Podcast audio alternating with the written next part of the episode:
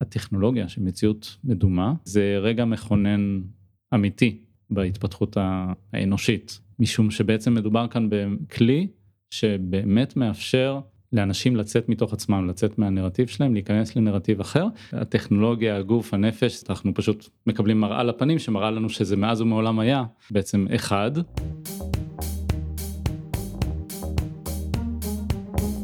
המצב הפוסט אנושי פודקאסט על טכנולוגיה, תרבות ורוח, עם דוקטור כרמל וייסמן.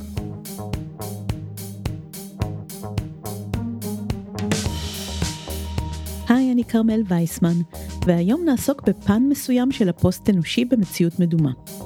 האורח שלי הוא דוקטור רותם בנט, חוקר טכנולוגיה וקוגניציה. היה את הדוקטורט בטכניון ואחרי זה איזשהו פוסט בחיפה ואוניברסיטת תל אביב במרכז לחקר מוח ויותר ויותר אני אוהב את הקצבים שיש בעשייה של התעשייה ומאז כיתה ה' בערך אני כותב קוד מדי יום פחות או יותר יום שעובר שאני לא כותב קוד פחות כיפי. רותם לקח את התובנות המחקריות שלו לכמה סטארט-אפים בתחום וכיום הוא עובד במטא בממשק שבין המטאוורס לבינה המלאכותית. בואו נתחיל. Self-destruct initiated. בשנות ה-60, הקיברנטיקאי גרגורי בייטסון הציב לתלמידיו קושייה. האם מקל ההליכה הוא חלק מהעיוור? אני שואלת לפעמים בשיעורים שלי גרסה מודרנית של השאלה הזאת, האם המשקפיים הם חלק מהאדם? אצל בייטסון זה היה שורף שיעור שלם על דיון סוער, שבו רוב הכיתה טענה כמובן שלא. המקל הוא טכנולוגיה שהעיוור משתמש בה, אבל היא לא חלק ממנו. התפיסה המקובלת אז הייתה שגבולות האדם הם גבולות גופו הביולוגי, וגם אם יש כלי שאני תלויה בו, הוא עדיין דבר שחיצוני לי. לי, כלומר, לגוף שלי. אבל אם כל הזמן מצאתם את עצמכם חושבות, אבל כן, המשקפיים הם לגמרי חלק ממני, והמהדרין אומרים שגם הסמארטפון הוא חלק מהאדם היום. אז המחשבות האלה בכלל מתאפשרות בזכות בייצון והקיברנטיקאים של המאה שעברה, ששינו את האופן בו אנחנו תופסים ותופסות את עצמנו ואת העולם. הקיברנטיקה היא תיאוריה תפקודית, שרואה כל דבר במונחים של מערכת. היא לא מבחינה בין אורגני למכני, ולכן כל דבר שהוא חלק מהמערכת ומתקיימות לולאות פידבק קבועות איתו, שייך למערכת. אז טכנולוגיה שאנחנו תלויים בה לתפקודנו ונמצאת איתנו כל הזמן, היא חלק מהמערכת הזאת שאנחנו קוראים לה אדם. המשמעות של כל זה היא פריצה של גבולות האני שלי שהם כבר לא גבולות הגוף. ולא בכדי הקיברנטיקה היא אותה תיאוריה שהביאה לנו את הדיגיטציה ואת הטכנולוגיות שנמצאות בלולאות משוב עמנו ומאפשרות לנו תחושת נוכחות בתוכן כאילו היו חלק מהגוף. אבל מבקרים מאוחרים יותר של הקיברנטיקה כמו פרופסור קתרין היילס הצביעו על זה שמדובר בתפיסה קרטזיאנית בעייתית שרואה בגוף שלנו סתם מכונה, קליפה. וזה יותר גרוע מדקארט כי אפילו המוח הוא סתם חומר אפור חלק מהמכונה הזאת. הדבר החי והחשוב היחיד הוא המידע, האינפורמציה. מושג אמורפי הסתברותי חסר אונתולוגיה שדיברנו על הכמעט רוחניות שלו בפרק 45 עם דוקטור רולי בלפר. אז האם זה מה שאנחנו באמת? איננו יצורים גופניים, אלא תבניות מידע שזורמות בגופים ותאורטית אפשר להעביר אותם לחומר אחר, כמו שהציע הקיברנטיקאי נורברט ווינר? או שמדובר בתיאוריה בעייתית באמת? ואלו רק הטכנולוגיות שנוצרו על בסיסה שמחנכות אותנו לתפוס ולחוות את עצמנו ככאלה, אבל למעשה מנקרות אותנו מגופנו? שזאת הנקודה בה הפכנו לפוסט אנושיים כמו שטוענת קתרין היילס. מה שהוביל אותי לזה זה היה איזשהו דוקטורט שהתחלתי והפסקתי לפני הדוקטורט שבסופו של דבר עשיתי אה, על brain machine interfaces. זה היה אצל אה, מרים זקסנאוס בפקולטה להנדסת מכונות בטכניון. הגעתי למעבדה שלה בגלל הדאטה שידעתי שיש אצלה. זה בעצם היה הקלטה של פעילות מוחית באזורים מוטורים, סנסורים, בזמן שקופים אה, ביצעו מטלה של להזיז באמצעות ג'ויסטיק איזושהי יד רובוטית או סמן על המחשב, היה שם כמה מטלות. באותו זמן גם הוקלטו התנועות, תנועות ידיים שלהם. מדובר על 2005 אה, כזה, 2000, משהו כזה. זה היה גם כן Neural Networks, אבל זה לא היה Deep Learning של היום, וזה היה אה, הרבה הרבה פחות טוב, וזה דווקא מה שהפך את הניסוי הזה למעניין. המודלים ניסו למפות בין הפעילות המוחית לבין הפעילות המוטורית, לנבא באמצעות הפעילות המוחית של הקוף, לאן הוא הולך להזיז את היד, ומה שעשו באיזשהו שלב בניסוי, אז ניתקו את הקשר של הג'ויסטיק ליד הרובוטית, הג'ויסטיק כבר לא השפיע על היד הרובוטית, ואת היד הרובוטית הזיזו באמצעות הפעילות המוחית של הקוף והניבוי של מה הוא כנראה התכוון לעשות. אם המודלים האלה של הבינה המלאכותית היו מושלמים, הקוף לא היה אה, מבחין באיזשהו פער בין התנועה שלו עם הג'ויסטיק לתנועה של היד הרובוטית. בסופו של דבר, בגלל האי שלמות הזאת של המודל, הקוף קולט שהיד שלו כבר לא, לא היא הפקטור, לא היא מה שגורם, אלא המחשבה שלו על לאן הוא רוצה להזיז את היד הרובוטית. ואז הוא ממשיך לתפעל את המשימה ככה, אוקיי? ואז ממשיכים, זה מדהים. ואז בעצם בכל מיני תאים יש תאים במוח שמקודדים בעצם את הקצה שלנו, את קצה היד, לאיזה כיוון היא זזה. רואים שהתאים האלו במוח התחילו לשנות את הפעילות שלהם ולקודד יותר ויותר את הקצה החדש שלי, את הזרוע הרובוטית. בניסוי הזה אה, ראו בצורה יפה איך המוח בעצם הוא מקודד את הקצה שלי, שזה הקצה שלי זה לא חייב להיות הקצה של הגוף הזה שנולדתי איתו, זה, זה איזשהו קצה extension כלשהו, בהדרגה רכשתי את ה extension החדש הזה, הוא הופך להיות בעצם מה שהמוח שלי מקודד. הגוף הזה זה, זה גוף שלמדתי, אה, נולדתי בגודל מסוים, הוא הלך וגדל, הוא הלך והשתנה. אני יותר ויותר התרגלתי אליו, רואים את זה גם את ההתרגלות הזאת בכל מיני, כשיש קפיצות גדילה או, או נשים בהיריון ככה, לוקח זמן ללמוד את הגוף החדש הזה. אה, זה, זה משהו שהוא נלמד וברגע שאנחנו גורמים למשהו בעולם להגיב לתנועות שלי, להיות מין extension שהוא משהו במוח שלי ש, שמתמפה אחד לאחד לדבר הזה, יותר ויותר המוח אומר אוקיי זה חלק ממני, לוקח אותו לעצמו, אומר זה אני. אבל רותם לא עשה בסוף את הדוקטורט ההוא, אלא הלך למייקרוסופט כדי לנסות ליישם את התובנה הזו כטכנולוגיה.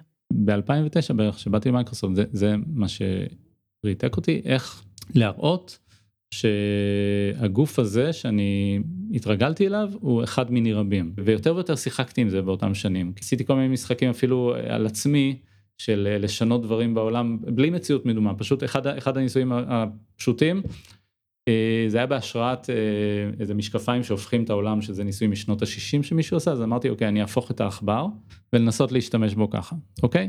עכשיו מה קורה כשהופכים את העכבר? הכוונה להפוך לסובב את העכבר אז ימינה הופך לשמאלה שמאלה לימינה למעלה למטה. בשניות הראשונות בדקות הראשונות את, את כל הזמן טועה בלתי אפשרי. כאילו מנסים וכל הזמן כל הזמן זזים לא נכון.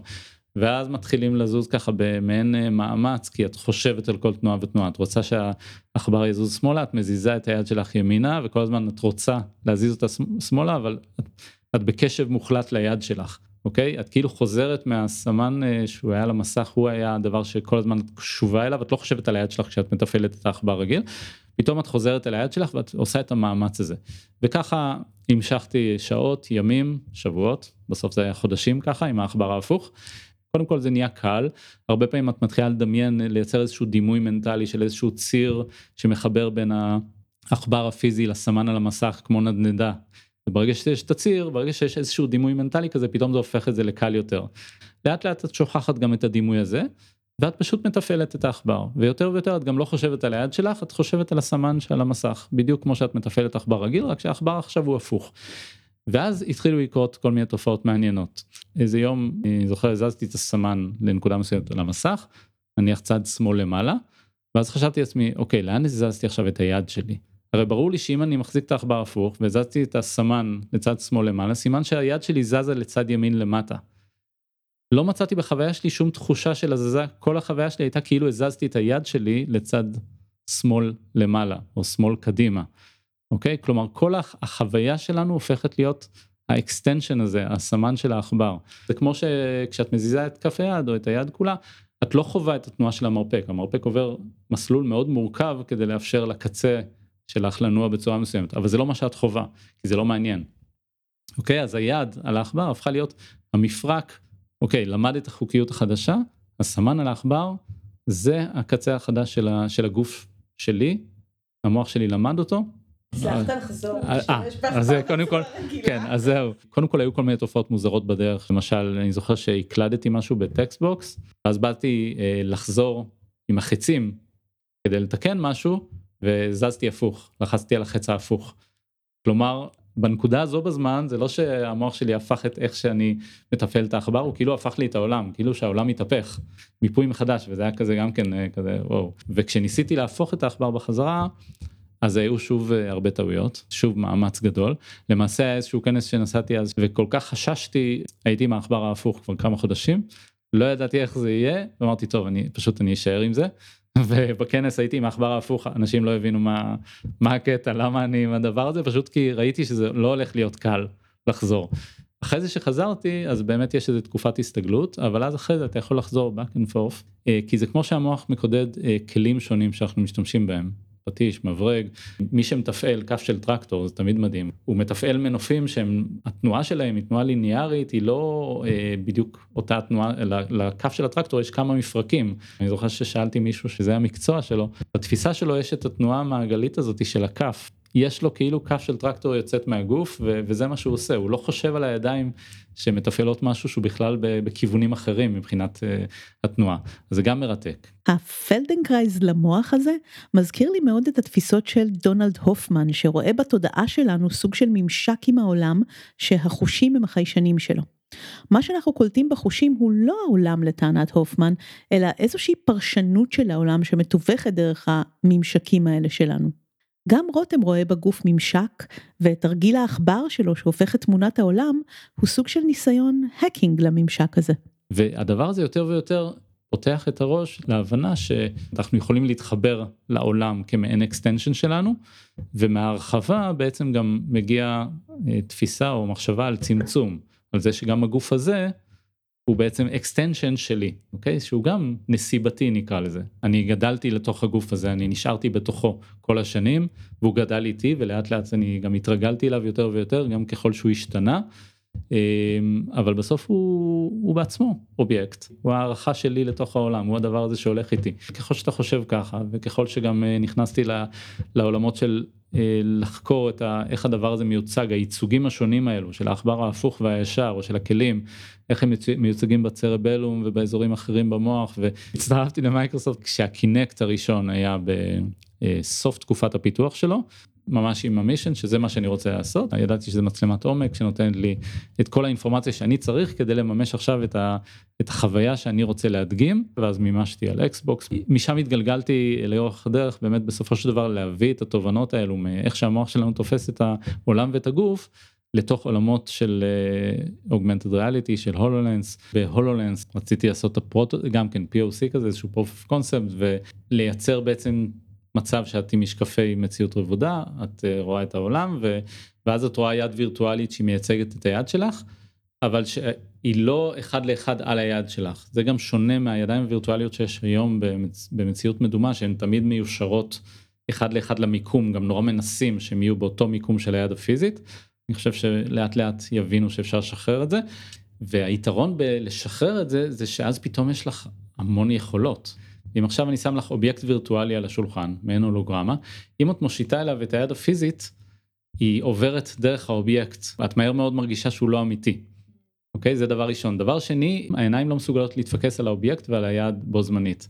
למה? כי בעצם המרחק הפוקאלי הוא קבוע כל האובייקטים גם אובייקטים שאת רואה הולוגרמות שאת רואה כאילו הן קרובות אלייך או רחוקות ממך, הקרבה או הרוחק, או הרוחק הם אה, נוצרים על ידי הפרלקס, על ידי ההבדל בין השתי תמונות שמוצגות לשתי העיניים, אבל מבחינת מרחק פוקאלי, מציגים את זה באותו מרחק פוקאלי של מטר וחצי, שניים, שזה מה שהכי נוח לעיניים שלנו. ואז נדמה לך שאת רואה את האובייקט במרחק חצי מטר ממך, את מושיטה אליו את היד, עד לאותו רגע ראית אותו ברור, עכשיו אם את מסתכלת על היד שלך, העיניים שלך העדשות מתקמרות ל... לראות ממרחק חצי מטר באופן ברור, אבל אז ההולוגרמה נהיית מטושטשת, כי היא בעצם מוקרנת למרחק מטר וחצי. ואז את מסתכלת על ההולוגרמה אז את רואה את היד מטושטשת. כלומר אי אפשר באמת אז, אז זה גם העניין של ה haptics של להיות מסוגל לתפוס את האובייקט שלא לתפוס אותו כמשהו לא, לא אמיתי. ואז ברגע שאני מפריד וזה מה שעשיתי ב HoloLens בעצם לייצר projection שלי עם יד וירטואלית והמפתח היה לשכנע או להדגים שהמוח סוגר מעגל עם היד הווירטואלית הזאת למרות שזה מין כף יד מרחפת באוויר נקרא סגמנטציה את כאילו רואה את, באמת את היד שלך רק שהיא אי שם באוויר והיד שלך נמצאת כזה למטה אבל את בעצם מזיזה עדיין את היד שלך אבל זה כמו להזיז את העכבר על משטח אופקי והסמן שלך זז על משטח אנכי. כאן זה הרבה פעמים זה, זה היה יותר למעלה ולמטה כאילו אני מזיז את היד שלי למטה כלפי מטה את היד הפיזית ואז היד הווירטואלית עולה למעלה.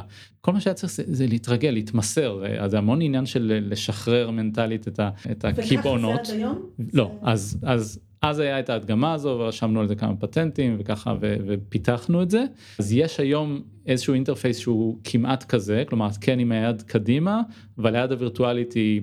את יכולה לבחור כל מיני מודים ויכולה להיות לא לגמרי על היד שלך. אתה ממליץ לעבור למוד אז הזה. אני לגמרי כן אני חושב היה המוד הזה של של בסוף לתפעל את העולם הווירטואלי עם גוף וירטואלי אין ספק שיש בו משהו גם הרבה יותר מחובר ובאותו דומיין נקרא לזה גם בסופו של דבר זה שוב זה מאפשר אקסטרה יכולות. ומכאן זה הולך וכאמור מתרחב לעולמות של להלביש על עצמי בכלל גוף אחר וזה לא חייב להיות גוף אנושי וכולי וכולי וכולי. בנקודה מסוימת ככה פרופסור מרים ריינר ככה פגשה אותי בכמה כנסים ועשתה לי teasing על, על לבוא ולעשות אצלה את הדוקטורט שהוא היה בעצם באיזה מעבדה ש...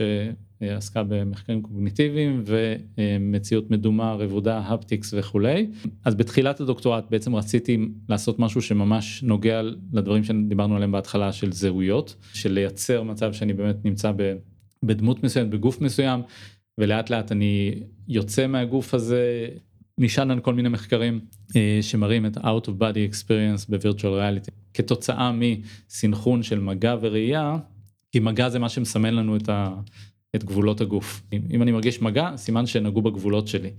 ואז אם מייצרים תחושה של מגע על משהו, ואני מרגיש את המגע הזה, יותר ויותר המשהו הזה נתפס כחלק מגבולות הגוף שלי. ואז אפשר פתאום לשחק עם זה.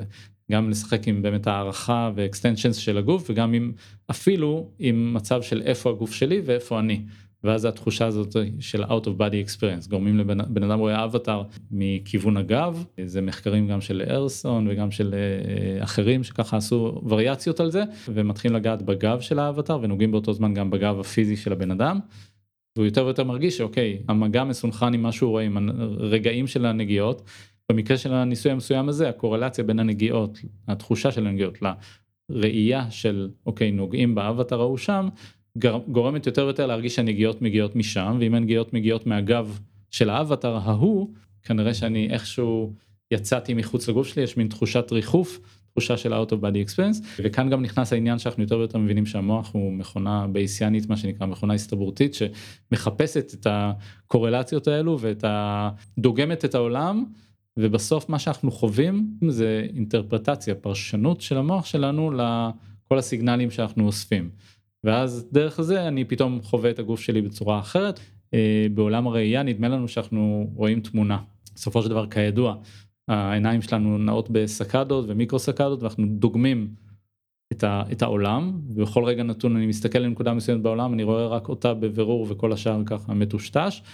אבל מה זה מטושטש אני לא באמת רואה מטושטש אני דוגם המוח אוסף אינפורמציה איזשהו סיגנל מהעולם מנקודות מסוימות ומייצר חוויה קוהרנטית של מציאות. כלומר העולם שאנחנו חווים הוא תוצר תוצר של אינטרפרטציה. זה לא שאני חווה עולם שהוא לחלוטין מנותק מהעולם האמיתי במרכאות או שלא במרכאות. לרוב בסך הכל היא מאוד מחוברת לעולם האמיתי אבל אז יש כל מיני מקרי קצה כאלו. זה כמו היה את ה... לפני כמה שנים את השמלה הזאת שרואים אותה בצבעים שונים אנשים שונים רואים בצבעים שונים. היא ממש שמה לנו מראה מול הפנים שהמציאות היא אינטרפרטציה. עכשיו יש הרבה דוגמאות לזה אבל אבל זו דוגמה יפה. זה הדגמה הכי הכי פשוטה בעולם שאתה מצייר קובייה תלת ממדית כזו שקופה ואתה מתחיל לשחק עם המוח שלך איך אתה תופס את זה. במקרה המסוים הזה אנחנו נורא נורא בשליטה. אני לומד איזושהי יוריסטיקה של איך של לדמיין כאילו אני מסתכל על הקובייה מכיוון מסוים ואז המוח נותן את האינטרפרטציה המסוימת. אני לא באמת שולט על זה ישירות. נדמה לי שאני שולט על זה ישירות. ובשמלה למשל אני ממש לא שולט על זה. אני אישית פעם ראיתי אותה כשחור כחול היום אני רואה אותה רק כלבן זהב. באיזשהו שלב זה התחלף לי וזהו אבל זו עוד דוגמה לזה שדוגמה חזקה לזה שהעולם הוא אינטרפרטציה או התפיסה שלנו היא אינטרפרטציה של העולם.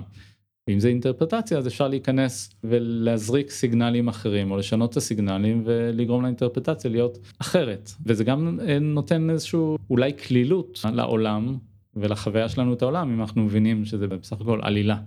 זה בסך הכל נרטיב, זה בסך הכל סיפור, זה אנחנו תופסים את העולם על סמך וזה משהו שמזין את עצמו. יש לי סיפור, ואז אני חוזר לעולם, אני תופס אותו על סמך הסיפור שאני מספר לעצמי. זה גם מפריד בין אנשים, כן? זה גם גורם לאנשים, בין אם זה אמונות דתיות או אידיאולוגיות, לא להבין איך האדם האחר חושב, איך הוא באמת מאמין בזה, איך הוא מאמין בסיפור הזה, כי זה מזין את עצמו, ברגע שאתה חי נרטיב מסוים, אז, אז הכל מתפרש. זה לא רק מתפרש במובן של דעות וקוגניציה, זה גם מתפרש ממש בלראות את העולם בצורה מסוימת.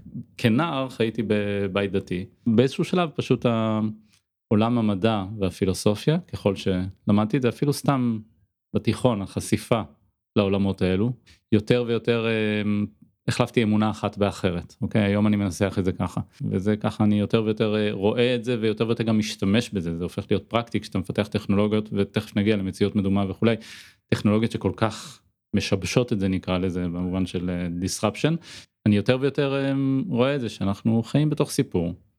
לטוב ולרע. הסיפור שאני עכשיו בוחר לספר לעצמי הוא שאין לנו שום גישה לאמת האובייקטיבית. מה שחשוב זה לחשוב אוקיי אז מה מה כן אפשר אם ככה? דקארט אמר את הקוגיטו הקוגיטו ארגו סם אני חושב משמע אני קיים. אני, אני אומר זה, זה קוגיטו ארגו קוגיטו. אני חושב משמע אני חושב. זה מה שאני יודע להגיד שאני חושב אני יצור חושב. יש מחשבה האם זה אומר שאני קיים באיזשהו מובן או שאני קיים? כלומר יש קיום לאני. הנרטיב של הפסיכולוגיה הבודהיסטית הוא ללא ספק במקום הזה הוא מאוד תוקף את העניין הזה של האני כנפרד או לא נפרד וזה בכלל גם לוקח אותנו למקומות שמאוד משתבשים בעיניי במציאות מדומה. מה זה בדיוק? אתה נכנס פשוט לאיזשהו עולם וזה איזשהו עולם אחר ואתה מסתכל על הגוף שלך וזה איזשהו גוף אחר ואתה עכשיו יותר ויותר מתחיל להמשיג את העניין הזה של להיות במקום מסוים כלשחק בעלילה מסוימת. ואז אתה חוזר לעולם האמיתי ואתה אומר אוקיי אני גם כאן אני משחק עלילה מסוימת. המפתח או הדבר המעניין הוא להצליח לצאת מתוך זה להסתכל על זה מבחוץ לראות את זה שזה כל מה שזה ואז לשחק עם זה. אתה משנה את העולם שסביבך אתה משנה את, את איך שאתה תופס את הגוף שלך וכולי ואתה רואה שזה שכן שזה עובד שבאמת אפשר לשנות את זה. זה מקובל לחשוב על האני הזהות האישיות שלי במונחים של נרטיב. סיפור שאני מספרת לעצמי על עצמי. אני כזו ואני לא כזו. והסיפור הזה מורכב מזיכרונות שאנחנו מארגנות לפי הנרטיב הזה. אבל רותם חושב שזה יותר עמוק. שגם האוטומטים הגופניים שלנו הם חלק מהסיפור הזה, וגם אותם אפשר לאתגר בסביבה כמו מציאות מדומה. המוח הרי לא מבדיל בין מציאויות פיזיות לאחרות. שימו קסדת מציאות מדומה ותריצו סימולציית רכבת הרים והבטן שלכם תתהפך. כי החושים בטוחים שזה מה שהגוף באמת עובר. התפיסה הזאת של התודעה כנרטיב בלטה מאוד בסדרה ווסטוורלד, שם הרובוטים בעצם הפכו מודעים כשהם הבינו שהם רק משחקים סיפור, והם קיבלו גישה לסיפורים אחרים שהם שיחקו בעבר. נקודת המבט הזאת שמחוץ לסיפורים, שיודעת שהיא יכולה להחליף סיפור, היא התודעה בווסטוורלד.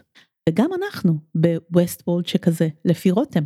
כן אני חושב שזה לגמרי מתאר את התודעה שלנו אני חושב שגם זה לא רק המכונות שם שהן אה, כל הזמן אומרות לעצמן להיזכר ואז עושות את הזום אאוט. גם הבני אדם שם זה מאוד מעניין שהם באים למקום שהוא משחקי והם נשאבים אליו והם, חי, והם חיים אותו ו, ובסופו של דבר אם שוב אם נהיה מפוקחים ונסתכל על החיים שלנו נקלוט שאנחנו גם חיים נרטיב ואנחנו תופרים אותו ואנחנו בוחרים מקום עבודה ואנחנו מתחתנים ויש ילדים ו... אז אתה מחויב לנרטיב הזה שיצרת אבל בסוף לעשות את הזום אאוט הזה ולהסתכל על הכל בצורה מפוקחת ולגחך לרגע ואז, ואז לצלול בחזרה פנימה. מבחינה זאת אה, הטכנולוגיה של מציאות מדומה גם מציאות רבודה אבל מציאות מדומה אה, עוד יותר זה רגע מכונן אמיתי בהתפתחות. האנושית, משום שבעצם מדובר כאן בכלי שבאמת מאפשר לאנשים לצאת מתוך עצמם, לצאת מהנרטיב שלהם, להיכנס לנרטיב אחר. אנשים משחקים משחקי מחשב כבר עשרות שנים ורואים סרטים עוד יותר ואנחנו גם אימרסט לתוך סרט שאנחנו רואים ובורחים מהמציאות לאיזה שעה שעתיים, זה כבר קיים. אבל במציאות מדומה אתה נכנס בצורה טוטאלית לסצנה אחרת וגם יכול להיכנס בצורה טוטאלית לדמות אחרת. וכאן זה משהו שהוא גם אה, מאוד אה, משמעותי וקריטי העניין של התפיסה של, של הגוף הזה האם הגוף שבתוכו אני נמצא כרגע האם זה מי שאני? וברגע שאתה במציאות מדומה ואתה נכנס לגוף אחר והגוף הזה נענה לחוקים מסוימים ויש לו גם זהות אחרת אולי. גיל אה, מגדר אה, מוגבלויות כן או לא יכולות. ואז כשאתה עובר בין בין זהויות ובין דמויות ככל שאתה מתרגל לזהות מסוימת ואתה מתמסר אליה אז אתה מבין שגם הזהות שלך בעולם זה מפרק זה מאפשר הדבר הזה ש... שנזירים בודהיסטים יושבים 50 שנה ועושים אה, מדיטציות על מדיטציות עדיין זה מאמץ מאוד מאוד גדול להתנתק מהדבר שאתה אה, סוג של מכור אליו מינקותך. זה לא רק התרבות זה גם הפיזיקה של העולם הזה הייתה מחשבה של אני רוצה להזיז את הראש ועכשיו הראש זז ואז עכשיו אני רואה את העולם מנקודת מבט אחרת ואני יוצא והולך ברחוב והגוף הזה הולך איתי וכל הזמן העולם סביבי ונפרד ממני ומגיב אליי וכולי וכולי. כל הזמן זה מאשרר את, ה, את הנרטיב הזה של אני יצור שונה נפרד וגם אם אתה יושב על הכרית לצורך העניין ועושה מדיטציה ולרגע מרגיש אוקיי אתה רואה את הדברים בצורה יותר משוחררת מפוקחת אתה כבר לא כבול לתחושה הזאת. סיימת אתה קם מהכרית יוצא החוצה לעולם האמיתי והעולם מאשרר לך את זה שוב ושוב. ובאמת מציאות מדומה בום שוברת את זה מרסקת את זה לרסיסים כי פשוט יוצרת מציאות או מציאויות שבהן זה, זה לא זה לא ככה הטכנולוגיה הגוף הנפש אנחנו פשוט מקבלים מראה לפנים שמראה לנו שזה מאז ומעולם היה בעצם אחד זה אולי מחבר גם לאיזשהו מיזם שאני ככה מייעץ לו עכשיו שנקרא רמפי איזשהו מיזם של אה, פרופסור אמיר עמדי מהבינתחומי.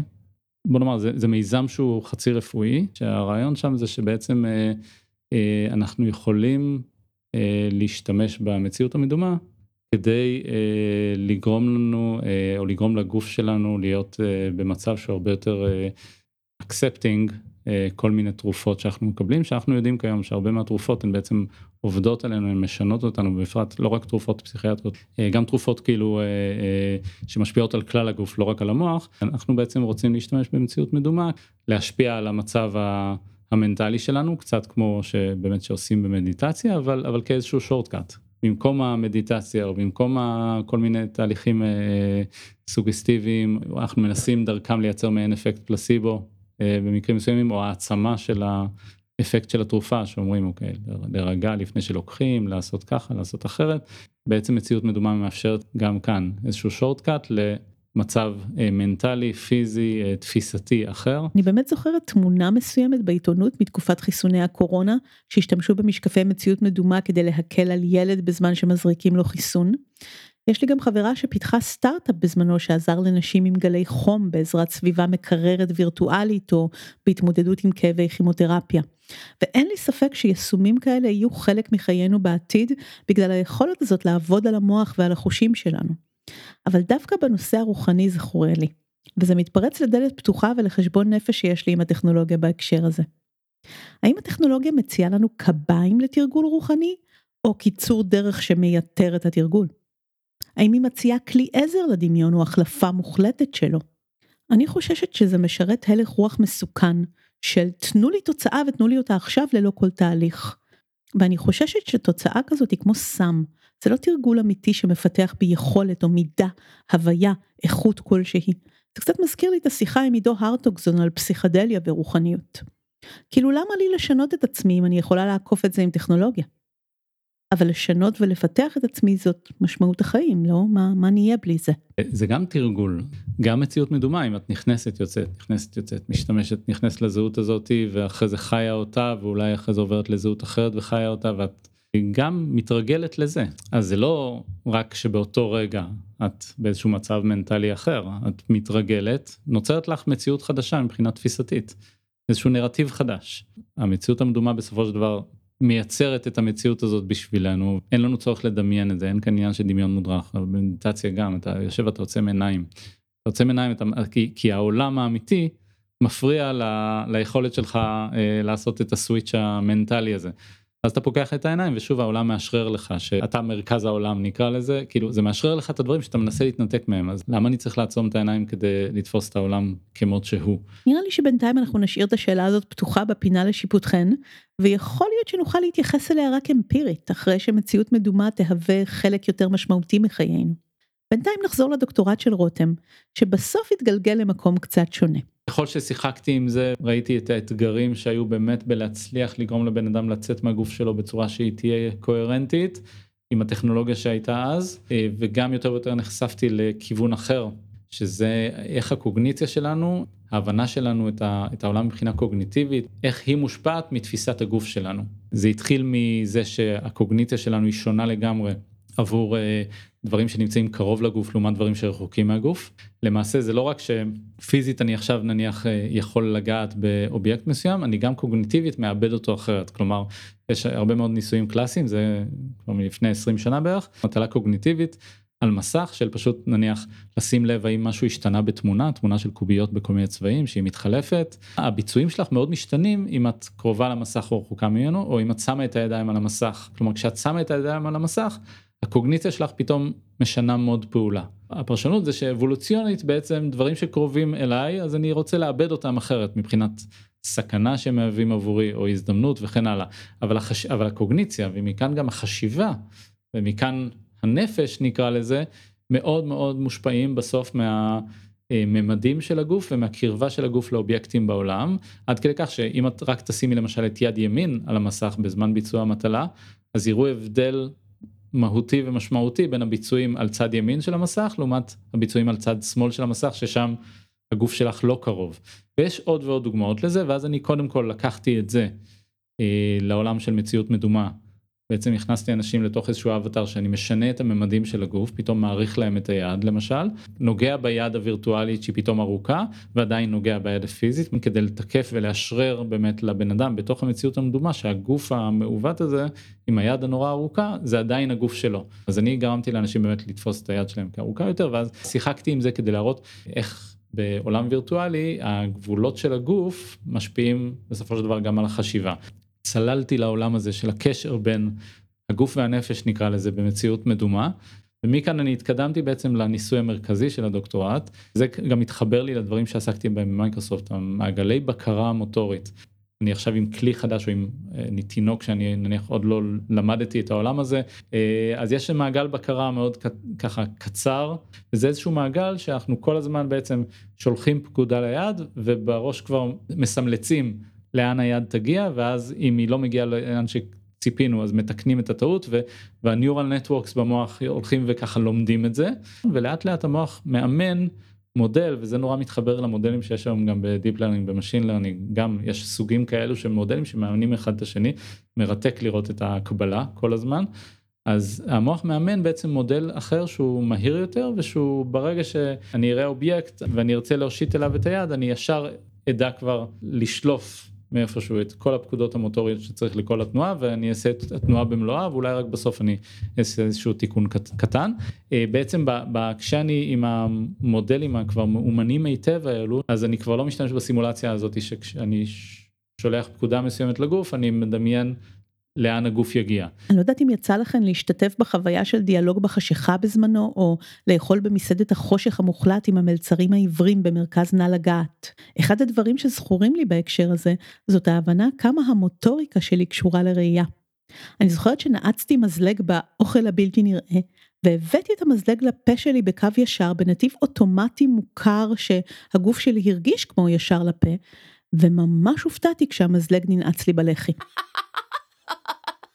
ומה שריתק אותי אז זה שהיו הרבה מאוד עדויות שהמנגנון בקרה הראשוני הזה הוא פעיל אצל תינוקות שהם לומדים עולם חדש או אצל מבוגרים שצריכים להסתגל להיות בשלב של אדפטציה נניח משנים להם משהו בעולם המנגנון הזה הוא אותו מנגנון שמשמש אותנו ל mental imagery. כלומר הסרט שאנחנו מריצים לעצמנו בראש שזה בעצם מי שאנחנו נקרא לזה אם אני מדמיין דברים מסוימים ויזואלית בראש אני בעצם מדמיין אותם אה, אה, לרוב לפי חוקי הפיזיקה של העולם. נורא קשה נניח לדמיין דברים שלא לדמיין את עצמי קולע על הסל ושהכדור ינוע פתאום לא כמו שהוא אמור לנוע. או אם אני מדמיין את המלל שלי עם עצמי זה תמיד ב... למה אני צריך לדבר עם עצמי בקצב שבו אני מדבר בעולם האמיתי? הרי הקצב הזה הוא מוכתב על ידי אילוצים של, אה, של השרירים של הלשון של הפה כאילו למה אני למה אין לי שפה עם עצמי שהיא הרבה יותר מהירה. בפועל כל הדיאלוג הפנימי או כל העולם הפנימי הזה הוא סימולציה של העולם החיצוני. ומסתבר שהסימולציה הזאת היא מבחינה מוחית ב overlap מאוד גדול עם, מנגנון, עם המנגנונים המוטוריים שבאמת משמשים אותנו בעולם האמיתי. אממה בעיקר עם אותו עם אותם אזורים שמשמשים אותנו כשאנחנו לומדים את העולם האמיתי כי אחרי זה כבר יש שורט קאטס למשהו אוטומטי כזה. וזה מעניין קודם כל כי כשניסו לקשר בין האזורים המוטוריים לאזורים קוגניטיביים כל הזמן הקורלציות לא היו מספיק גבוהות. וראיתי השערות כאלו בכל מיני מקומות. קורלציות הן לא מספיק גבוהות כי בעצם זה כבר לא בודק את אותם אזורים כי הם כבר עברו את השלב הזה השלב המוטורי בסופו של דבר כשאנחנו כבר באוטומט שם זה כבר לא באמת אותם אזורים קוגניטיביים. אז אמרתי אוקיי במציאות מדומה אני יכול להחזיר אנשים להיות עוללים נקרא לזה אה, תינוקות שלומדים מחדש את הגוף שלהם. פתאום הגוף שלהם לא זז כמו שהם אה, היו מצפים ואז המוח אוקיי הוא לומד אותו מחדש אנחנו נוכל אולי גם פתאום לקבל שוב מין תקופה קריטית של למידה כמו שהיה לתינוק שתמיד מתייחסים לזה אוקיי תקופה קריטית שהייתה נסגרה התקופה הקריטית מעכשיו you're doomed עם היכולות שרכשת כתינוק. אה, פתאום אנחנו יכולים לפתוח מחדש את התקופה הקריטית הזאת ואז לשפר יכולות קוגניטיביות דרך הלמידה המוטורית כלומר תינוק שוכב ב, באוניברסיטה אבל מה הוא עושה הוא עושה תרגול מוטורי. אבל שם זה נורא obvious לנו שהתרגול המוטורי או בוא נאמר אנחנו למדנו שהתרגול המוטורי הזה הוא תרגול קוגניטיבי שם הוא לומד את כל המערכת שמסמלטת את העולם גם לטובת התנהלות פיזית אבל גם לטובת העולם הפנימי שלו.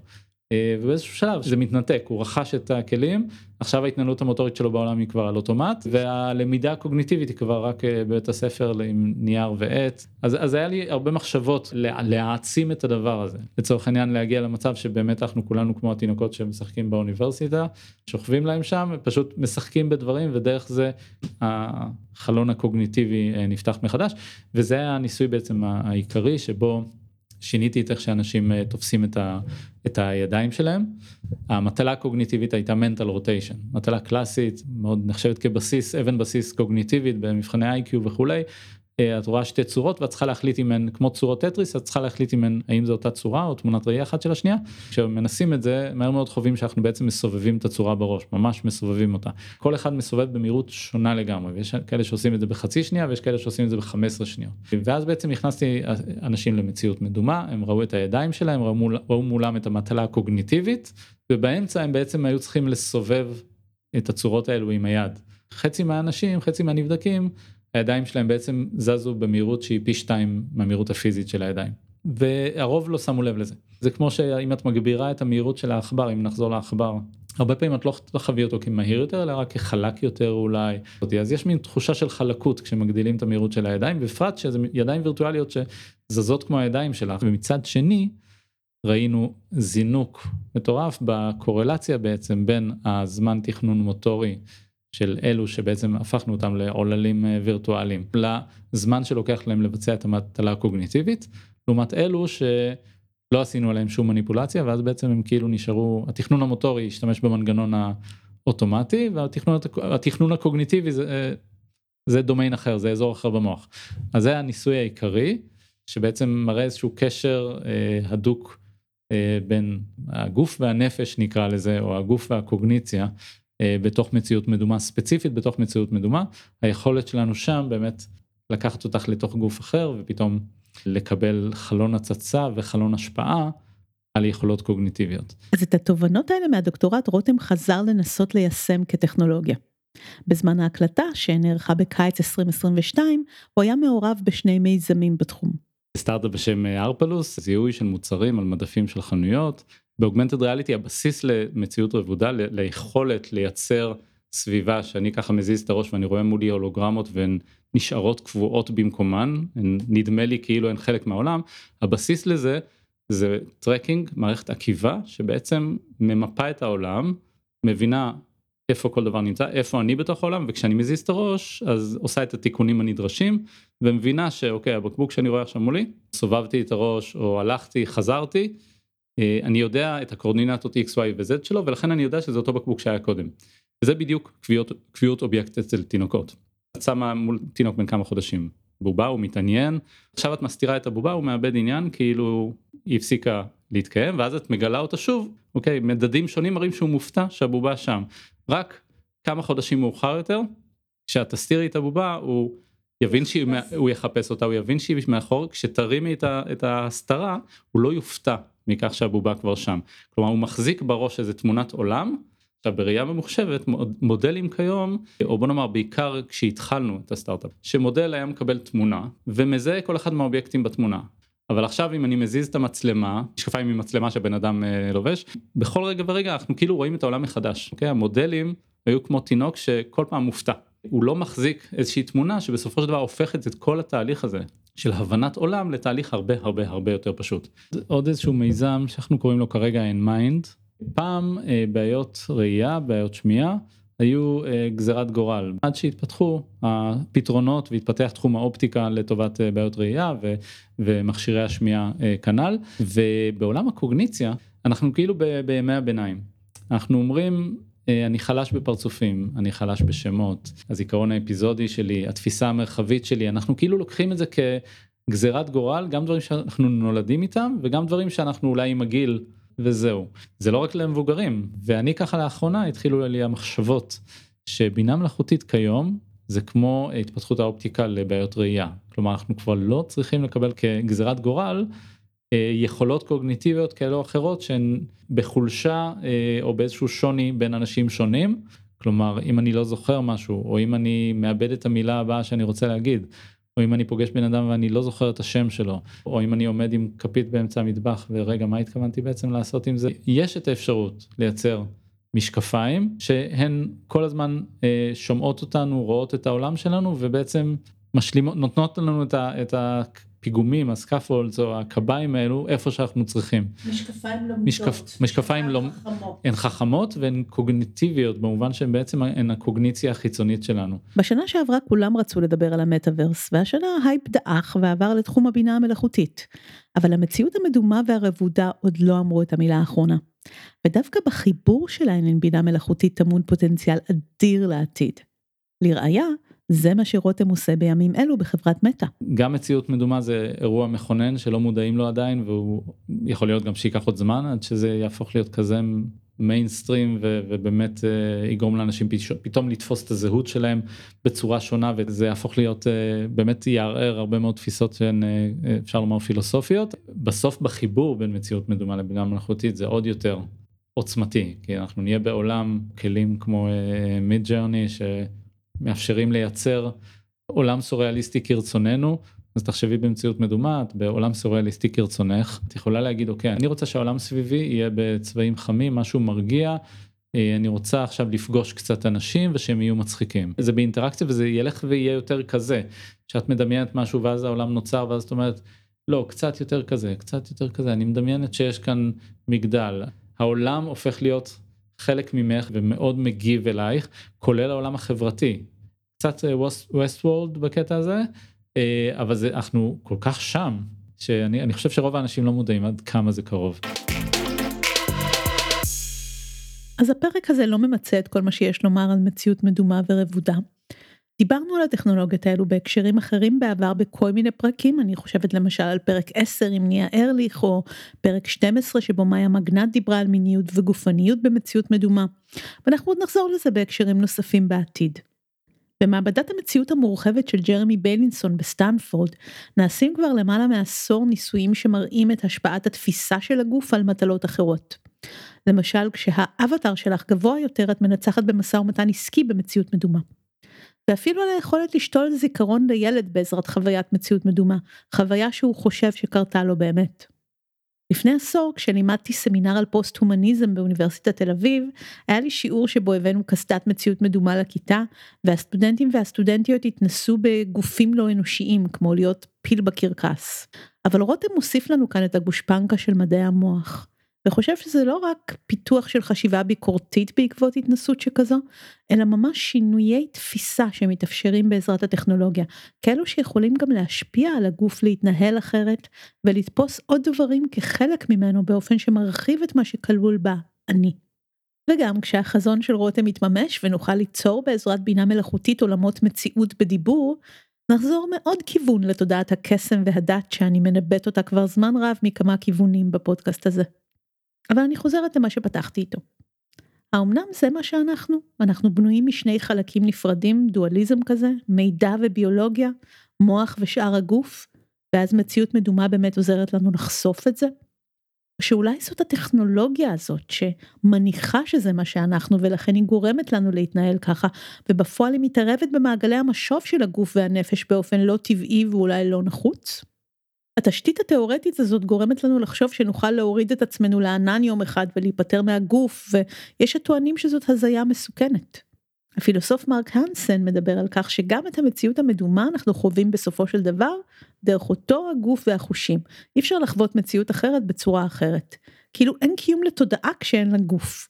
אי אפשר להיות מודעים בשום צורה לסימולציה שלנו שרצה על שרת.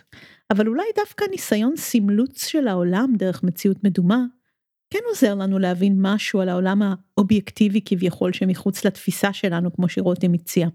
בגלל זה גם בפיזיקה עובדים עם המטאפורה של מציאות מדומה על העולם כמו שהסברנו בפרק 45. נראה לי שעד כאן להפעם. שתפו, דרגו ופרגנו לפרק ולפודקאסט בכלל, ובואו להציץ ב social של ה pod, בעוד כמה ימים אני אפרסם קטע וידאו גנוז מעניין מהפרק הזה. אז להשתמע בפרק הבא.